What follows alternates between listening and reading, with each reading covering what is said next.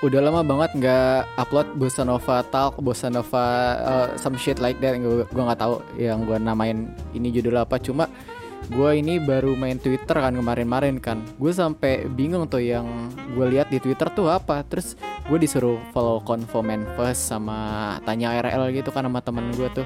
Udah gue follow lah. Nah dari situ tuh gue kayak bingung gitu oh ini buat manifest buat ngeren or apa gitu kan. Tapi bersifat yang ngirimnya tuh anonim.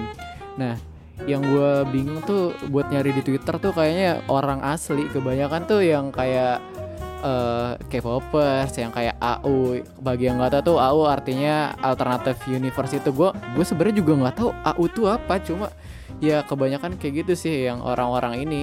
Uh, ya kayak gitulah. Gue juga deskripsi ini takut salah ya takut diserang ini nanti.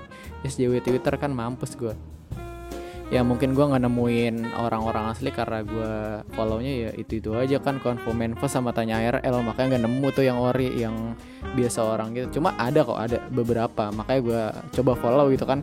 Soalnya menarik ada yang suka anime ada yang suka K-pop ada yang suka film gitu kan.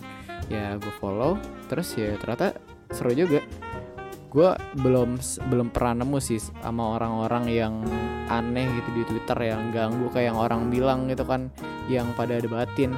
Cuma yang banyak gue temuin tuh emang kayak yang dibilang di podcast kesel aja kebanyakan tuh orang-orang yang mental healthnya. Uh, ya kembali lagi bersama saya di podcast Daciko Kali ini kita akan membahas 10 alasan mengapa kita harus install Twitter. Jangan lupa di